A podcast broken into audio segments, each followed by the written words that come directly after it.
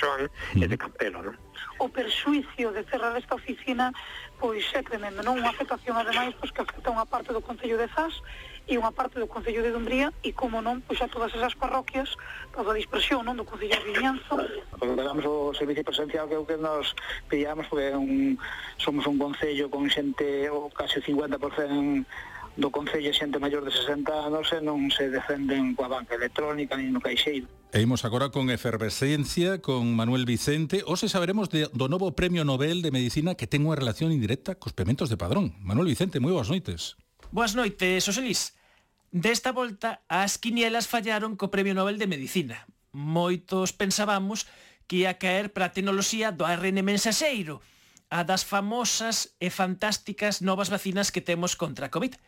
Pero, pola contra, o Instituto Karolinska fixou a súa atención en como as células da pel perciben a calor e a presión.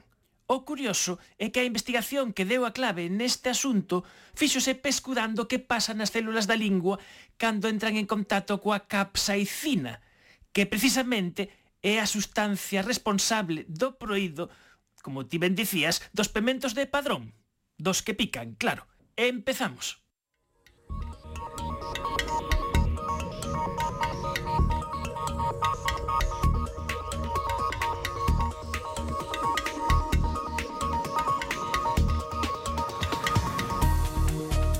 Moi boas noites, un saúdo de César Goldi, Martín Pauli e Manuel Vicente. Somos o equipo de Efervesciencia.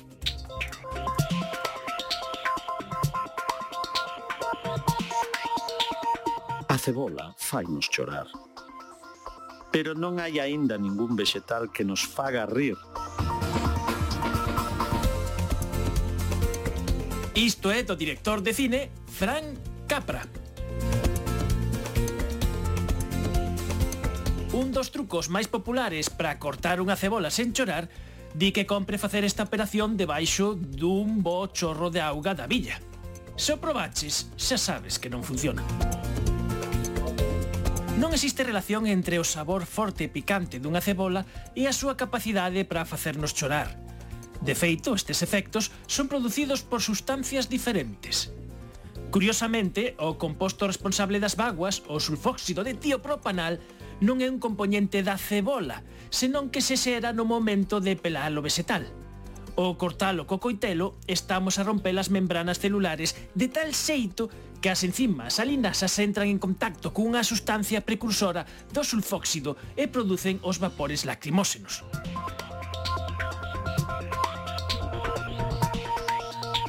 O pico máximo de concentración destes vapores prodúcese ao medio minuto de iniciar a rotura das membranas. Esta sustancia volátil é identificada como irritante na córnea por uns detectores nerviosos que activan as glándulas lacrimais. Agora estamos en condicións de actuar para chorar o menos posible nestas circunstancias. Cun bo coitelo ben afiado, faremos menos estragos e liberaremos menor cantidade de vapores lacrimóxenos. Actuar con rapidez tamén axuda. E tamén temos dúas estrategias previas alternativas. Quentar as cebolas para desnaturalizar as enzimas ou, ao contrario, arrefrialas ben na neveira para ralentizar a reacción de formación do sulfóxido. Estes trucos non fan milagres, pero con eles de seguro que chorarás menos.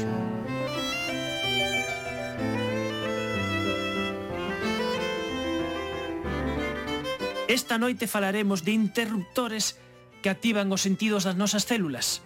Non o de chorar, senón os do frío, a calor ou a presión. Uns achados que veñen de merecer o Premio Nobel de Medicina. Benvidos a Efervesciencia. Hai outros mundos, pero están neste. Efervesciencia. Doses de ciencias en contraindicacións. Patrocinado pola FECIT, Fundación Española para a Ciencia e a Tecnoloxía, Ministerio de Ciencia e Innovación, unha colaboración da Universidade de Santiago e a Radio Galega. Co apoio da Axencia Galega de Innovación da Xunta de Galicia. Tócanos viaxar no espazo-tempo, porque moitos dos investigadores e investigadoras galegas que viven e traballan fora das fronteiras da nosa Galicia aproveitan as vacacións do verán ou do Nadal para vir visitar os seus familiares.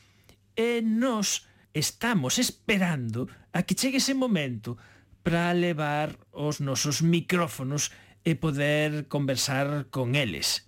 E así fixemos coa astrofísica Olga Suárez, que este verán estivo en Galicia e que ademais impartiu unha conferencia na Domus da Coruña convidada polos nosos amigos da agrupación astronómica coruñesa IO. E así que curvámoslo o tempo, mudamos de estación e ímonos a Domus.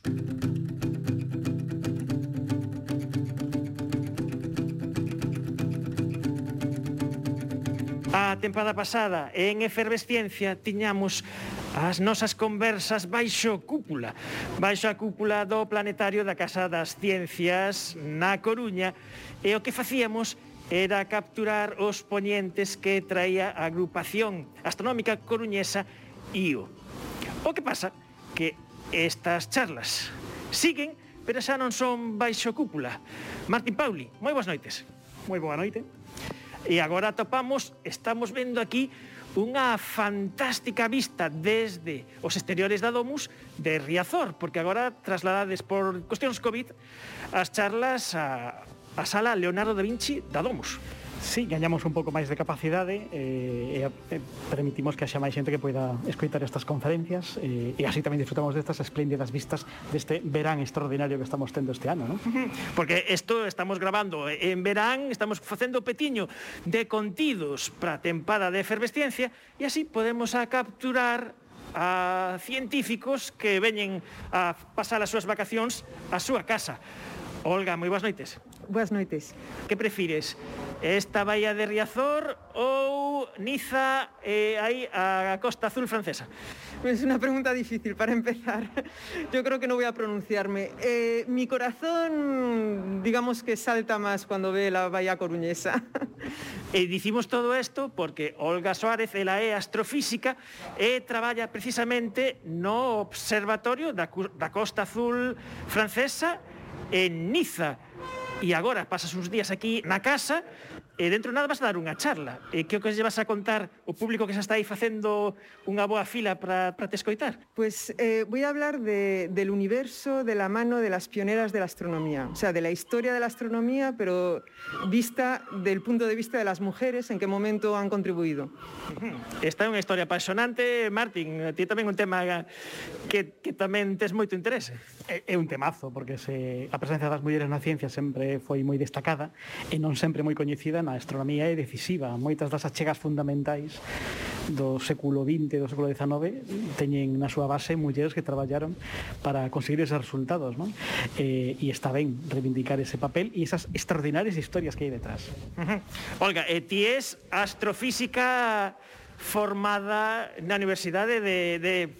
Bueno, física na Universidade de Santiago e logo astrofísica na Universidade de Vigo. Eh, sí, física en Santiago y luego la tesis la defendí en la Universidad de Vigo, aunque la realicé entre Vigo, Coruña y Madrid. Eh, tiñas aí de director da tese, entre outras, a Minia Manteiga. Sí, a Minia Manteiga e a un director eh, que trabajaba en Madrid, eh, Pedro, Pedro García Lario.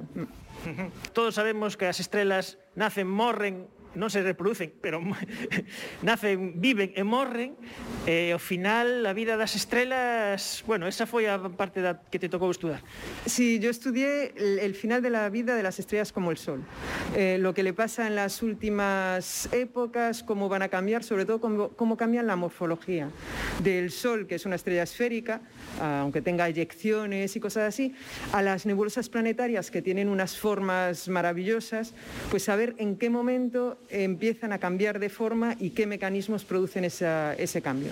O noso sol que ten uns 5.000 millóns de anos de vida e que lle quedan outros cantos. Ti cando collerías, empezarías a estudar o noso sol? Uf, pues eh, después de los, o sea, otros 5.000 millones y todavía le daría otros 1.000 más, por ejemplo. Van 1.000 más, pudiera, van sí, más. Para que me pudiera interesar. Solo es demasiado jovencito. Vale, y, eh, y ese proceso, eh, ¿qué cosas pasan? Porque eso, non todas as estrelas rematan formando un burato negro ou eh, que esa só so as, as escolleitas fan eso, o, nosa, o Sol, por exemplo, noso vai ser un fin máis modesto. Sí, el Sol tiene un fin más modesto, pero bueno, muy bonito ¿eh? será. O sea, hay un momento en el que las estrellas como el Sol van a empezar a, tener eyecciones de materia fuerte, mucho más de lo que vemos ahora, y, van a ser, en general, son bidireccionales en dos di direcciones opuestas, y eso va a hacer que la envoltura que han expulsado antes empiece a cambiar su forma. Entonces yo lo que estudio justo es en ese momento en que esas eyecciones fuertes empiezan. Uh -huh. eh, como acaba unha astrofísica traballando agora en divulgación, educación e cultura científica, que é o posto que tes no, no Observatorio da Costa Azul? Pues eh, eso es algo que, desde que estaba en la tesis eh, me interesó muchísimo. Yo empecé la tesis haciendo pues, mi trabajo de tesis pero en un momento me ofrecieron un trabajo en Madrid para, hacer para llevar un proyecto educativo, trabajar en un proyecto educativo y me daban tiempo para seguir con la tesis. Y entonces dejé mi último año de beca para hacer eso porque me interesaba mucho la educación y preferí dedicarme no solo a la investigación, sino a transmitir la ciencia, que eso me gustó de toda la vida. ¿Y cómo es ese observatorio? Pues eh, el Observatorio de la Costa Azul es un sitio precioso, histórico, tiene 140 años ahora, eh, tiene una cúpula que el arquitecto fue eh, Charles Garnier, que es el que hizo la ópera de París, y el, y el ingeniero fue Gustave Eiffel, el de la torre, o sea que vale la pena. Un, un dos pocos que podemos citar así. Arquitectos franceses. Eiffel. Sí, sí, sí es, eh, quisieron hacer el mejor observatorio que había en el mundo y entonces eh, pusieron los medios que necesitaban. Y, y la, el telescopio que hay, que ahora bueno, es un refractor que ahora ya no se hace mucho, pero es el cuarto más grande del mundo y todavía estaba en funcionamiento. Tenemos últimamente unos pequeños problemas eléctricos, pero en, en principio se puede observar con él. No para hacer ciencia de verdad, que se hace con otros... Los problemas eléctricos no hay porque no podías pagar la factura, ¿no? pues yo creo que no, aunque problemas económicos hay en todos los sitios, ¿eh? incluido en Niza. pero no, no, ha habido ciertos cambios y, y entonces eso, nada, nada, lo están arreglando y por lo menos se puede utilizar. Contrastesnos antes unha historia moi bonita de que no fondo este observatorio nace dunha frustración a de non poder observar Neptuno. Sí, eh, Neptuno, se descubrió por el cálculo, primero por Le Verrier, que era un astrónomo francés, y por Adams, que era un astrónomo inglés, y dieron la posición donde se esperaba observar Neptuno. Pero en, París se hacía malo y entonces no lo pudieron observar el Observatorio de París y mandaron cartas a todos los observatorios cercanos a ver quién lo podía observar y lo observaron los alemanes. Y entonces los, uh, los del Observatorio de París se quedaron súper frustrados y decidieron hacer un observatorio donde hiciera bueno y se fueron al sur de Francia a buscar un sitio y encontraron Niza. Entonces, vos sitio Niza, home, eh, temos motivos para teríamos motivos para facer unha excursión calquera que nos está escoitando, calquera dos efervescentes, ir á Costa Azul, verdad, Martín? Sí, sí, hai moitas razóns, pero tamén razóns astronómicas, porque ademais teríamos boa compañía, non é a única galega no Observatorio da Costa Azul. Sí, somos, actualmente somos tres mujeres, además. Eh, está Alejandra Recio Blanco y está Emma Fernández, eh, que las dos trabajan allí. Eh, y eso, somos tres. Casualmente, tropa gallega femenina, se, se ríen un poco, hay bromas al respecto de por qué acabamos las tres allí, pero bueno, está muy bien. Tres astrónomas mulleres galegas no Observatorio de Niza E, e tamén unha cousa que antes que tamén falaba co, con Martín é que, claro, nos pensamos Niza, Costa Azul, é glamour, é, é, luxo, desenfreo, Bueno, esa imaxe bucólica, pero en realidad é máis pedestre.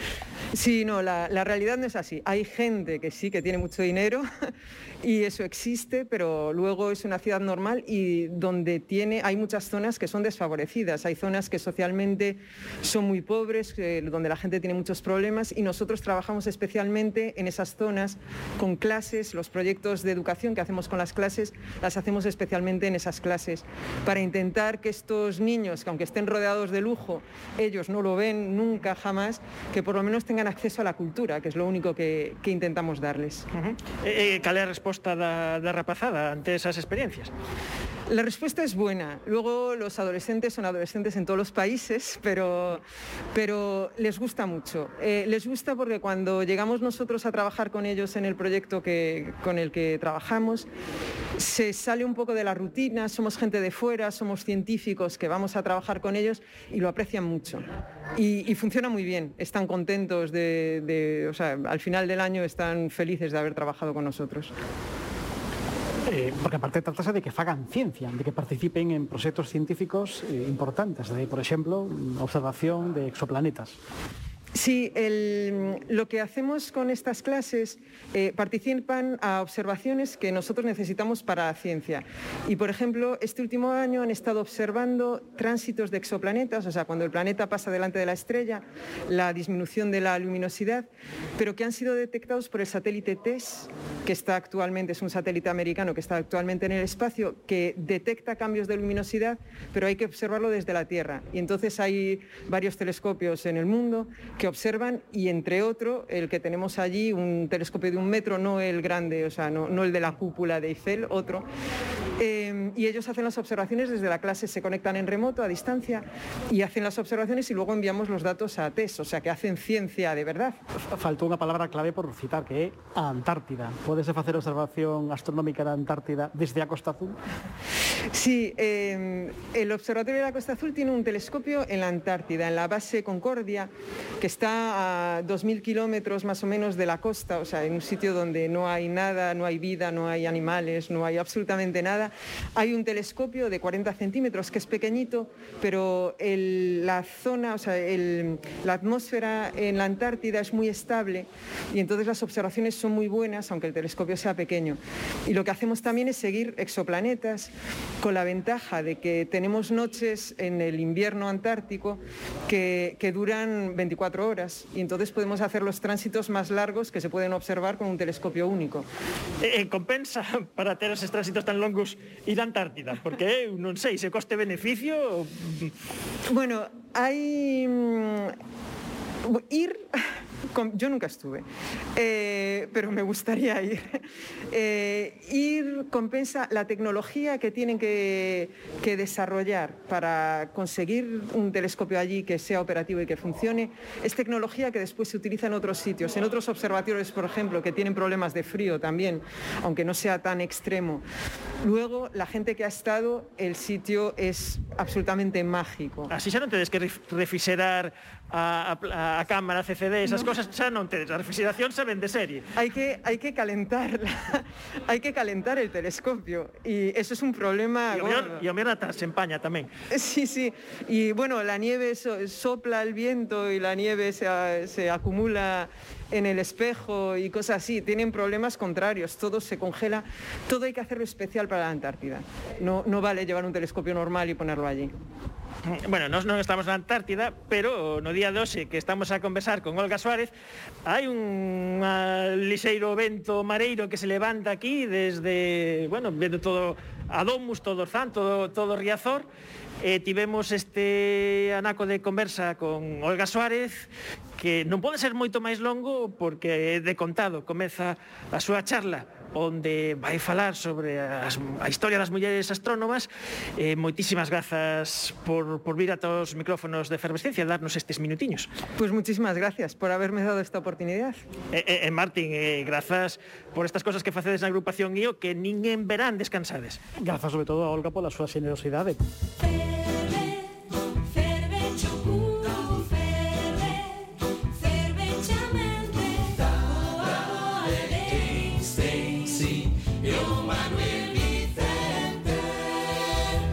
mira, eh, hola Félix, boas noites. Boas noites. Que tal? Mira, antes de que entremos en materia e para que a xente flipe un poquinho despois, eh, eu querría contar que ti fai un par de semanas eh, estiveches ali en, en Bilbao co gallo dunha tontería destas, un premio para científicos de 400.000 euros, nada, unha, unha cousa pequena, eh, que daba o BBV, un banco, que senón, non? Eh, eh, ali en Bilbao to, eh, estiveches tomando uns viños e tomando uns polvos e calamares con uns individuos que se chamaban eh, Julius e Ardent.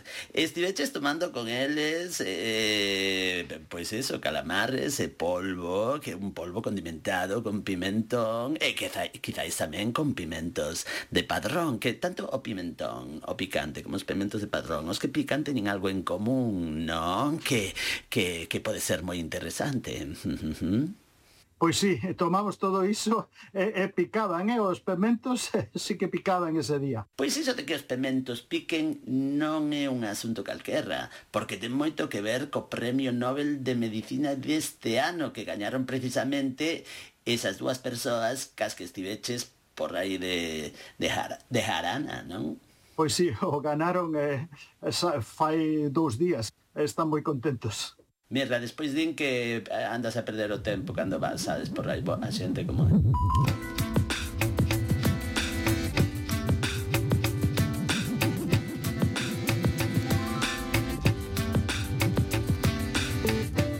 Pro tempo de conversa desta noite contamos desde Alacante con Félix Viana, que é investigador do Instituto de Neurociencias de Alicante e que é especialista nos mecanismos que, que determinan a percepción da dor e da calor. E por eso ten contacto con moi directo con a xente que decía, boa, con David Julius e Arden Patapoutina, que veñen de gañar o Premio Nobel de Medicina ou Fisioloxía. Moi boas noites, Félix. Boas noites, que tal estás, Manuel? Moi ben, levas xa en Alacante xa máis de dúas décadas. Xa demasiado tempo, xa me olvidei do galego. Sempre queda algo aí. E, e comentaba Boa que estiveches a, a tomar eh, precisamente ese, ese polvo, eses pementos, e viremos despois que é importante, con David e con Arden, e Antonte escoitábamos este anuncio do Premio Nobel. Música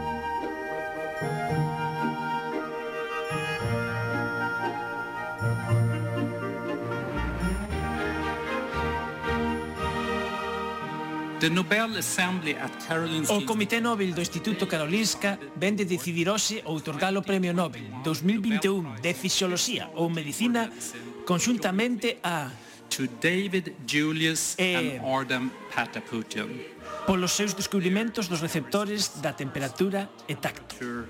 And touch.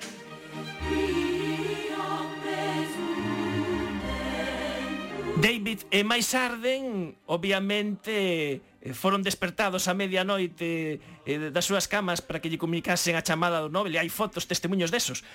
Pero eh, para vos que estades eh, no hallo foi sorpresa este premio Nobel? Eu penso que foi unha sorpresa para eles porque se si ves a foto de Arden está sen afeitar. Eu penso que se si pensara que o iban a chamar, pois estaría un pouco máis máis máis aceitadiño, non? Pero non, era un premio que nos esperábamos, eh, a, a, a comunidade científica pensaba que o, o recibirían algún día, pero isto xa sabes que é moi difícil de hacer predicións. Eu pensaba que chegaría, sí. Pensaba desde o ano 2008 que fixe unha reunión con David Julius en Baeza, eh, xa presentou, bueno, xa levaba moitos anos presentando estes resultados que tiña e eh, pensaba que era un, un cambio de paradigma na percepción do, do, do, do dolor, no? E o gracioso e que cando querrías montalo dixeronche que uf, que a xente que traías porque isto foi antes do premio Nobel, claro. A xente que traías pois que era que era que non non lle daba, non tiña suficiente altura, que para unha cousa, un evento como ese necesitaban un se necesitaba un premio Nobel. E cal foi a túa contestación? Bueno, eh, eu eh, pensei, bueno, se, vou, vou tirar para adelante e lles dixe, non te preocupes que eu penso que o o van a ter pronto, non? Pasaron casi 13, 14 anos, pero tiña razón. E eh, o que imos facer agora eh, esta noite é debullar que significa precisamente eh, este premio Nobel, que é un premio Nobel que é unha investigación moi moi básica que, pero como veremos eh, pode ter implicacións importantes na vida das persoas. Eh, empezamos, se che parece, Félix, falando eh, das investigacións de David Julius que é eh, investigador da Universidade de, de California e el empezou precisamente, falábamos dos pementos, deses pementos que tomaron en, en Bilbao, e o que fai picar os pementos é unha molécula capsaicina que os pementos de padrón uns teñen e outros non. Efectivamente. Entón, eh, David eh, tivo unha idea genial, xa tiña experiencia en este campo, no? É unha técnica molecular que se coñece como o vou decir en castelán porque non sei moi ben, é clonaje por expresión. Pero a idea é relativamente simple. Ti colles un, un texido, extraes eh, miles de moléculas de RNA mensajero y a partir de esas moléculas haces una librería y lo que haces es probar en una célula que no tiene respuesta, en este caso a la capsaicina, vas metiendo pools de estos eh, RNA mensajeros y buscas una respuesta. Entonces es como un ensayo y error y a partir de un pool en el que encuentras una respuesta, ese pool lo divides, vuelves a probar y descartas la parte que no responde y te vas concentrando en la que responde. Y así es como encontrar una aguja en un pajar, ¿no? Vas quitando la paja hasta que consigues encontrar la pequeña aguja que es la responsable de la respuesta a, a la capsaicina. O sea, que había millóns de senes candidatos e el pensaba que había un único sen que o que facía é dar instruccións para fabricar a proteína que facía que detectemos eh, esta capsaicina e, e fixo como xogo este que facemos de adivina o número dun eh, millóns, entonces adivina o número dun ou un millón e o xeito de, de, de adivinalo eh, eh, en vez de decir números o show, eh, decir, bueno, pois medio millón, entonces eh, se sabes que queda por arriba por abaixo, divides, e, e, vas acotando e así, home, non ten que facer un millón de, de análisis, non? Pois efectivamente, sí, eh, a analoxía é perfecta, é, é basicamente como se traballa con, con, con esta técnica, e despois tens que tener un pouco de, de suerte, non? Porque, eh, como ti decías, ten que ser unha sola o código ten que estar en unha sola proteína, porque se está en varias, se é unha cadena, pois non vas a tener a combinatoria, va a ser moi difícil que che aparezca en, un, en, un, en uno dos pools, ¿no? Eh, bueno, era un, una mm, apuesta arriesgada, pero eh, Julius tenía experiencia en esta técnica, había clonado varios receptores del, re, del, de la serotonina, que es un neurotransmisor en el cerebro muy importante. Y bueno, eh, digamos que sabía cómo hacerlo y, y las limitaciones y dificultades que se podía encontrar. Todo isto que está dicindo é moi bonito e, eh? buah, eh, entre científicos e científicas estaredes flipando cas vosas cousas.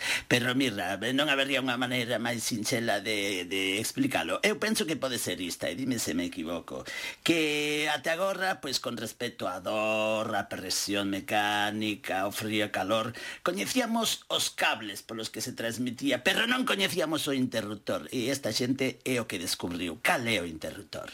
Sí ou non? Pois sí, está moi ben explicado. Eh, e non só iso, senón que... Toma! Tes que ter... A boa dicen. Eh, a, a cosa é que non só un interruptor, son varios, non? Tes un interruptor da luz verde, da luz roxa, da luz marela... Eh, desta maneira, eh, cada un destos interruptores eh, ten unha línea, ¿no? unha forma de, bueno, pues un color, pues unha sensación distinta, ¿no? E isto foi precisamente o que estamos falando agora de como utilizando eh, eh, esta, este cribado de xenes se, se detectou que é o primeiro interruptor dos, dos que se buscaban, o que abriu a porta o que a esta liña de, de coñecemento, porque o que contaba Boa, os cables xa se coñecían, pero desde mediados do século pasado, non? Si, sí, os cables eran ben conocidos, eh, eh, se cono... bueno, o que pasa é que eh, faltaba iso, el, el coñecer que o que a, a señal que está na punta do cable, ¿no? A transmisión eh, do impulso nervioso eh, foi traballo de investigadores eh, ingleses, eh, xa recibiu o premio Nobel, bueno, son traballos publicados en no, no ano 52, ben, eh, creo, fai 70 anos, dos eh, británicos Hodgkin e Huxley, eh, o recibiron con John Eccles, que era un investigador australiano, e isto xa se conoce, pois eso, fai máis de 70 anos, no? Pero os activadores, os interruptores destas eh, eh, líneas que temos na pel, pois non se conocía. Mm, e estes interruptores, polo que entendo, eh, non son eh, exactamente de on-off, de ser encendido apagado, senón, por exemplo, cando eh, sentimos calor, sentimos frío, somos capaces de saber mm, cando hai máis calor, cando hai máis frío, quer dicir, eh, nos permiten unha medición que pode ser bastante precisa. Os humanos somos capaces de detectar variacións na temperatura da pel de menos dun grado centígrado. É eh, moi sensible, e non só sensible, sino que se pode adaptar. Todos sabemos que cando nos metemos aí eh, na playa en Camariñas, ao principio está fría de carallo, pero ao pouco ao rato xa non sentimos ese frío, eso porque estes sensores se están adaptando. Eh? De maneira que o rango de dinámico, o rango no que van a traballar vai variando eh, e iso é moi importante tamén. E cando temos unha herida, una, o interruptor, o sensor se fai máis sensible e iso hace que eh, co mismo estímulo vamos a ter unha resposta moi, moito máis grande. E, e a nivel molecular, o que se veu é que mm, descubierto sen, descubres esa proteína, e o que mm, fai eh, que a forma que ten ese interruptor é o que vos chamades son uns, un, unhas canles iónicas polo que entran eh, ións, que cando entra o ión é cando se activa todo o proceso que, que fai que se dispare o sinal. Sí, efectivamente. As, as células nerviosas teñen un potencial de membrana, chamamos así, que é negativo, e estos canales deixan pasar cargas positivas e iso hace que se despolarice eh, como unha chispa que entra na, na célula eh, a máis chispas máis señal. E este foi o camiño que abriu eh, Julius descubrindo o que se bautizou como TRPV1 e isto veu que a cousa importante é que non só vía que isto se activaba coa capsaicina, que estaría ben, se pode ser unha curiosidade de por que pican os pementos de padrón ou calquera clase de, de pementos, pero nós cando metemos un pemento na, na boca sentimos unha sensación que podemos describir como, como calor e, aí, e aquí ven a clave do seguinte paso. Pois sí, eso xa no mismo traballo xa a idea que tiñan era que este receptor non só era para capsaicina, senón que tiña que tener outros activadores. Un activador deste canal era a temperatura,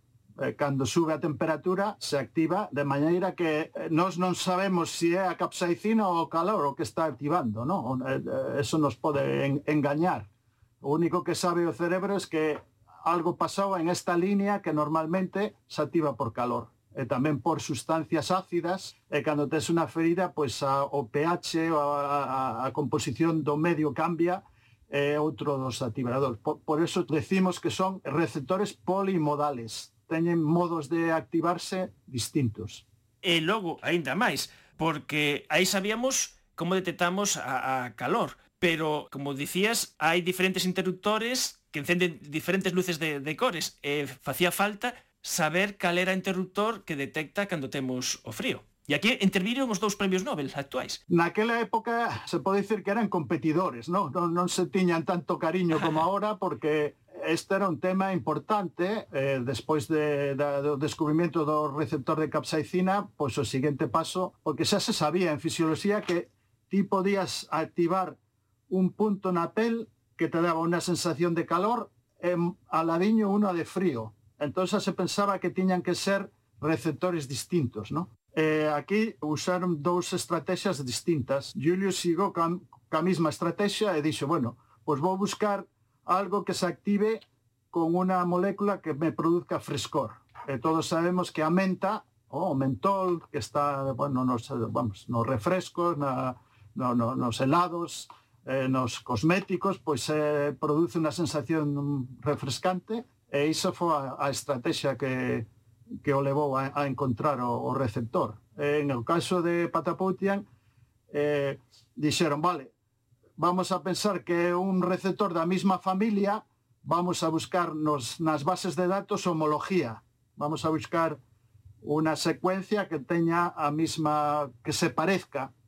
E así foi como pescaron o, o receptor inicialmente, e, bueno, os, se publicou prácticamente no mismo na mesma semana, que tamén é increíble cando pensas é increíble, non? O sea, estas eh, eh, digamos, carreiras científicas é que empezan con 3-4 anos antes e acabas, no? é como cando chegas aí a meta con unha milésima de un segundo, despois dun maratón e chegan aí con un, un segundo de diferencia, non? Pois, e tamén, bueno, con iso podo dicir que en moitas cosas non pensamos sempre no, no primeiro, o que o chegou primeiro, e, e o que chegou segundo, pois xa non importa, cando fixo pois prácticamente o mismo traballo, no? Eh, aquí quero falar da unha colega mía aquí no instituto, a doutora Ana Gómez, que estaba traballando en, bueno, cando falemos dos piezos, pois no, no mismo problema, eh, eh, prácticamente chegaron ao mismo tempo, eh, cando publicas o segundo, eh, ninguén se acorda de ti, no? Necesito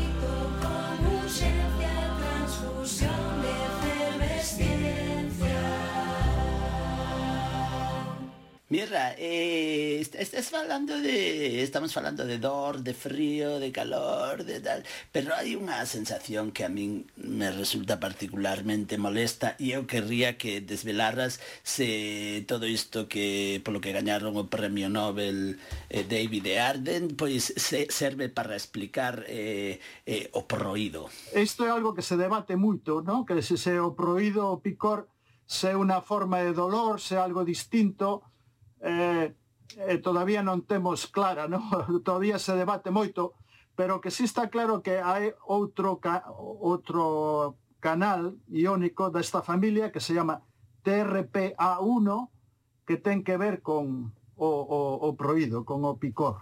Ah, pois o próximo Nobel para o que descubra con certeza eh, eh, cales son os mecanismos que activan o proído, non? Sí, pois poden ser eh, o, ben estos mismos o, o familiares, ¿no? Eh, estudiantes ou colaboradores porque bueno, é o que pasa moitas veces é que se van creando escolas, ¿no? de, de, de científicos, eh, un pois tira de un camiño, vai facendo camiño e outros van seguindo por ese camiño, no? Mira, é eh, unha, unha cousa aquí curiosa. En Estados Unidos, eh, eh, eh, eh porque estes son americanos, non, Manuel? eh, eh, sí, David Julius é, eh, é americano, e, eh, e Arden está en Estados Unidos, non está nacionalizado. Pois mira, son, os dous son americanos, ¿no? O de teñen pasaporte estadounidense, pero no caso de Arden Pataputian, el é de orixen armenio, e, eh, se criou no Líbano.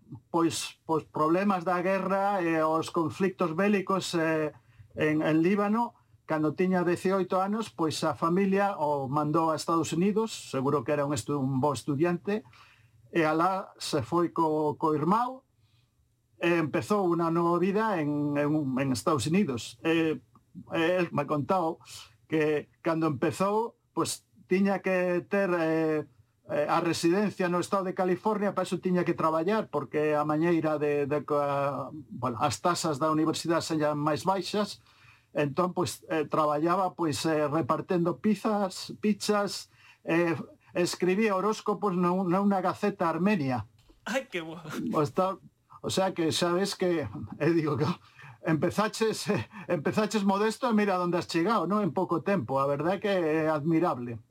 No, eh, a pregunta de, dos Estados Unidos viña a conto porque era a ver se si nos Estados Unidos a xente pode poñer a matrícula que lle dá a gana aos coches. Eh, explícome, porque o día que lles comunicaron o Nobel, a Arden levoulle o coche á grúa. E curiosamente, eh, averiguouse, pois non sei se a través dunha foto ou algo, que, que na súa matrícula aparecía a palabra piezo, que curiosamente é o nome da proteína que resista a, a presión da que estamos falando, non? Para para, para transmitir a dor, etc, etc, non?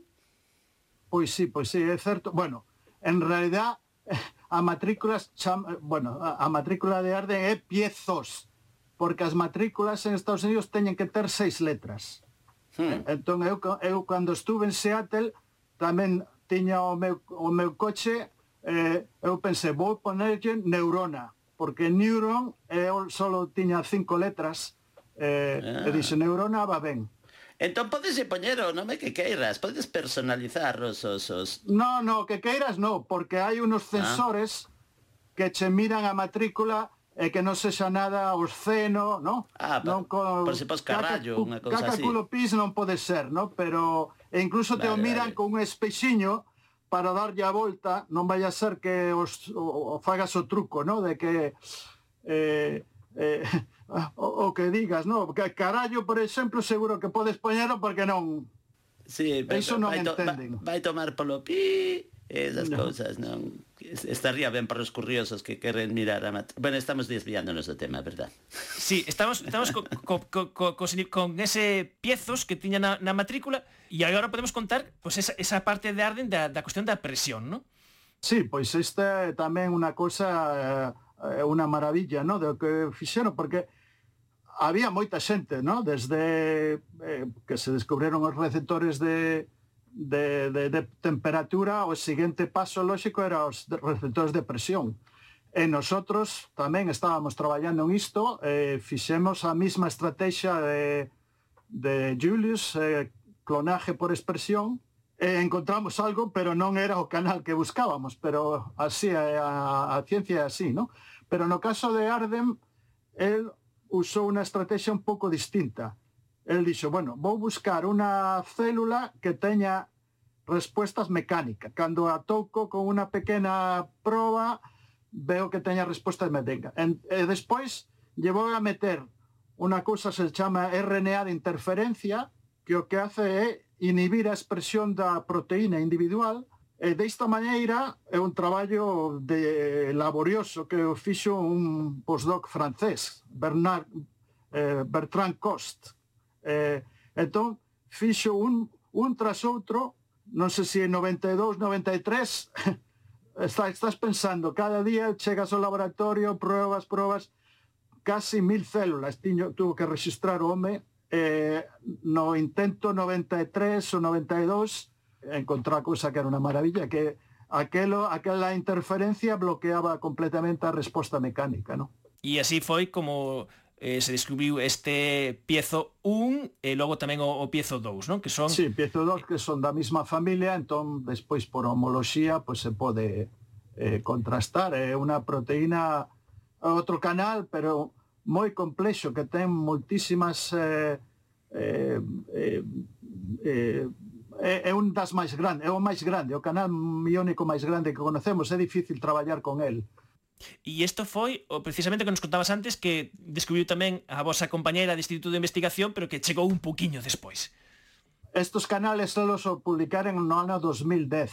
E, e, aí demostraron un pouco máis tarde que tiña que ver con que la, o, o tacto lixeiro pero a miña compañeira estaba interesada en, en outro aspecto do movimento que é o que chamamos propiocepción como sentimos as partes do corpo, no? Cando cerramos a, os oxos, eu levanto a man e sé que a miña o brazo está arriba ou está baixo, eso se conoce como propiocepción. É moi importante man, para mantener o equilibrio, é, é, é fundamental, non?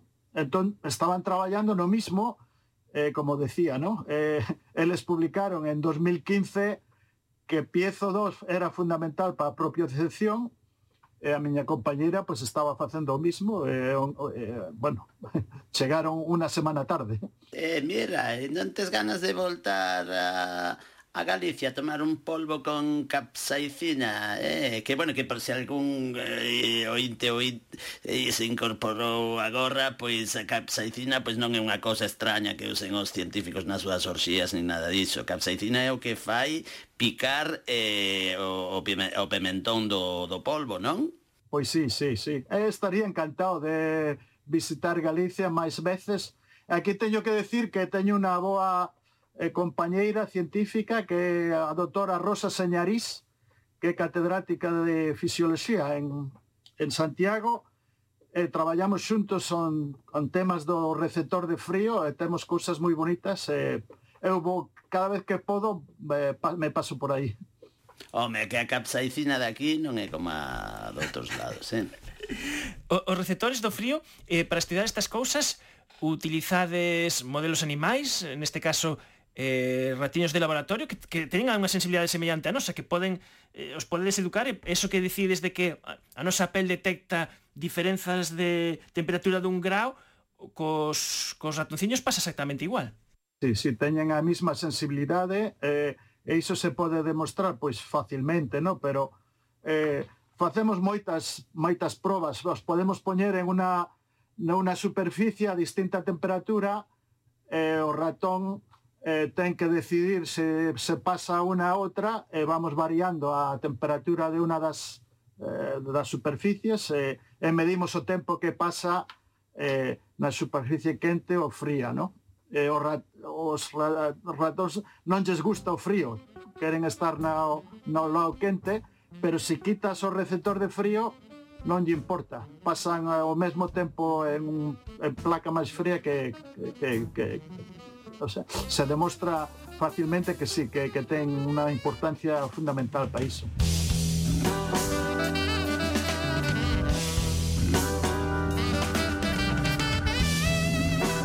Pois estivemos a debullar esta noite con Félix Viana, que é investigador do Instituto de Neurociencias de Alacant, investigador galego de, de Vigo, e acabamos de debullar como eh, que significa este Premio Nobel 2021 de Medicina ou Fisioloxía que veñen de gañar eh, David Julius e Arden Patapoutina e que eh, está relacionado con estes eh, interruptores que nos fan sentir eh, pois un alumiño ou un apretón de mans ou frío ou a calor, pero tamén a dor.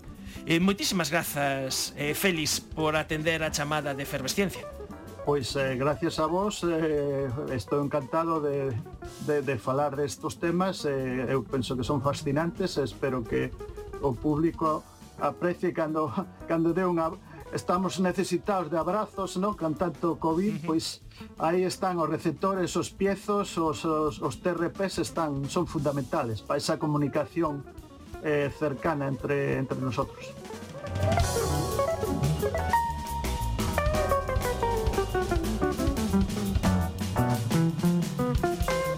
A ciencia na Radio Galega. Hai uns días celebrouse en Barcelona o oitavo Congreso de Comunicación Social da Ciencia. E ali coincidimos os de Efervesciencia con Marcos Pérez, o director dos Museos Científicos Coruñeses. Con el, desde a sala beta do Museo Cosmo Caixa, aproveitamos para falar do compañeiro Paco Franco, director técnico do Aquarium Finisterre, que finou tristemente aos 60 anos o pasado 27 de setembro. Sirva esta pequena conversa de lembranza e tamén de recoñecemento para Paco Franco.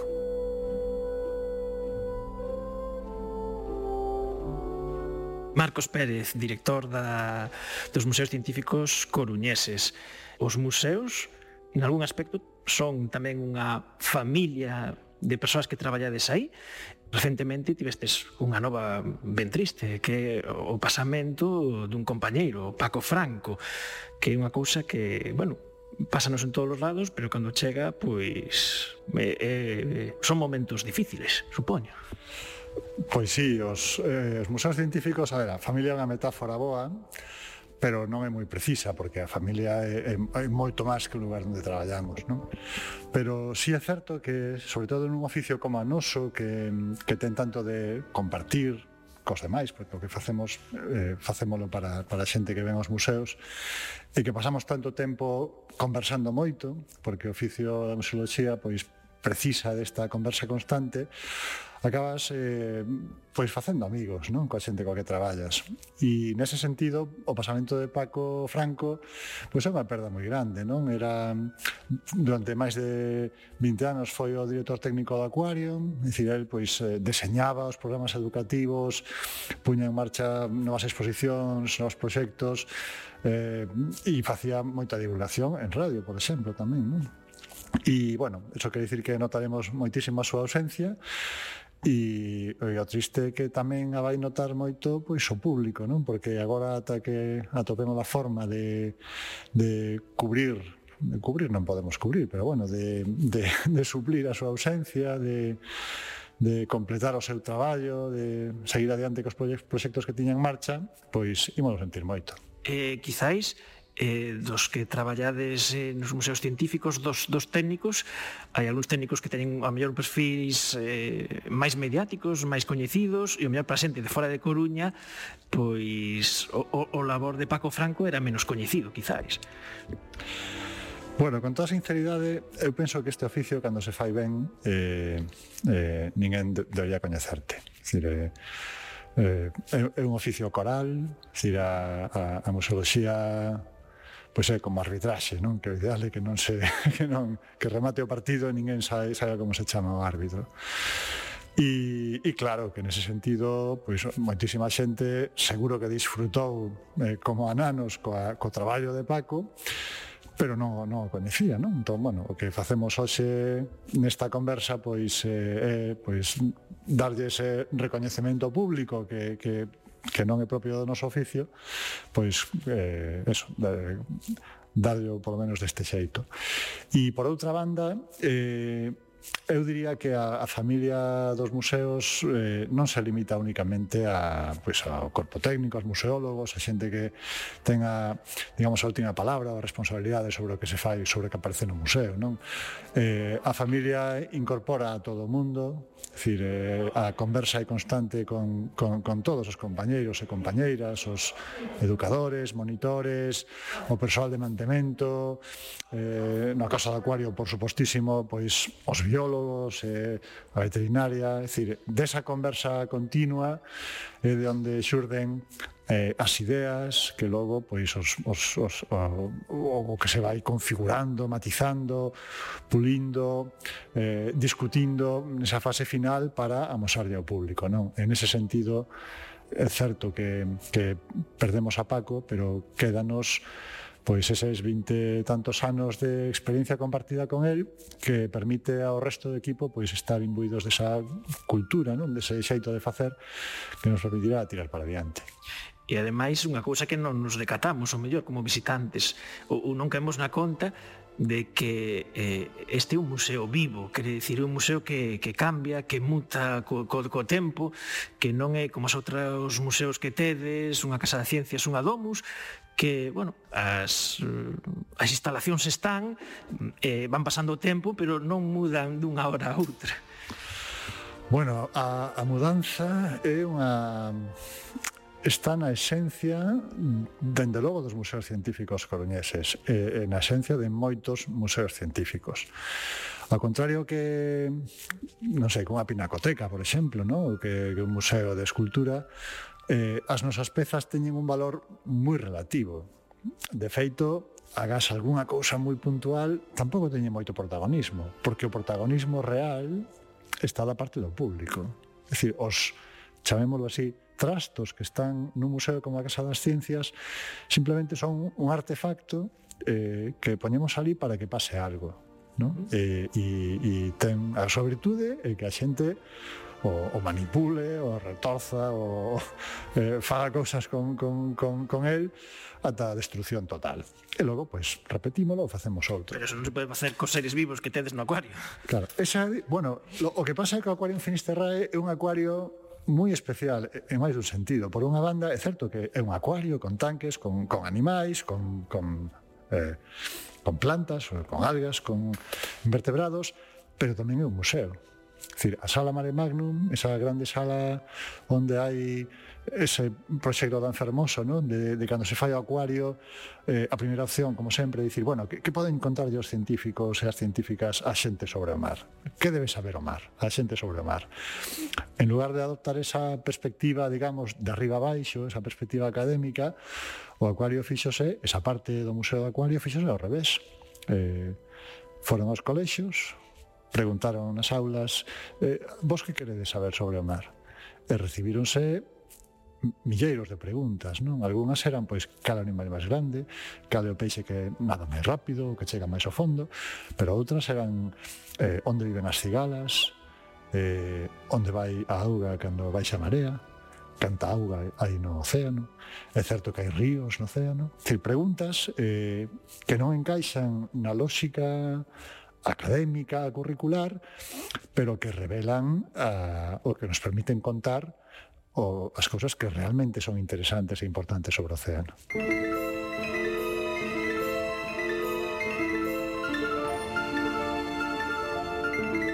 Moitas grazas por, por, por estas verbas. Aquí desde outro museo O Cosmo Caixa de, de Barcelona. Eh, o, o noso pésame polo pasamento do, do noso compañeiro Porque ao fin do cabo todos os que nos dedicamos á comunicación da ciencia E eh, bueno, eh, polo menos en efervescencia ter esta Inda que sexa pequena lembranza pois de, de Paco Franco. Eh, Marcos Pérez, moitas grazas. Moitas grazas a vos.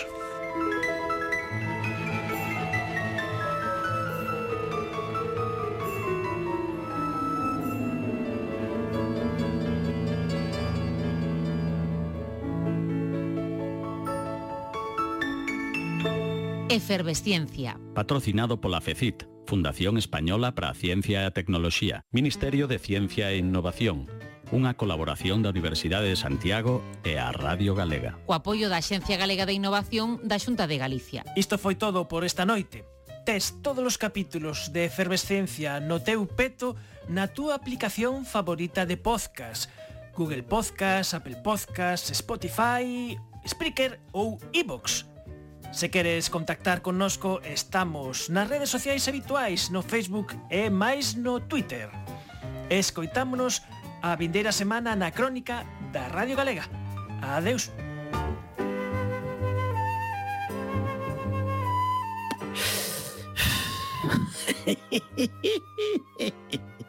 ai, ai, ai. Manuel dicía ao principio do programa que non hai ningún vegetal que nos faga rir.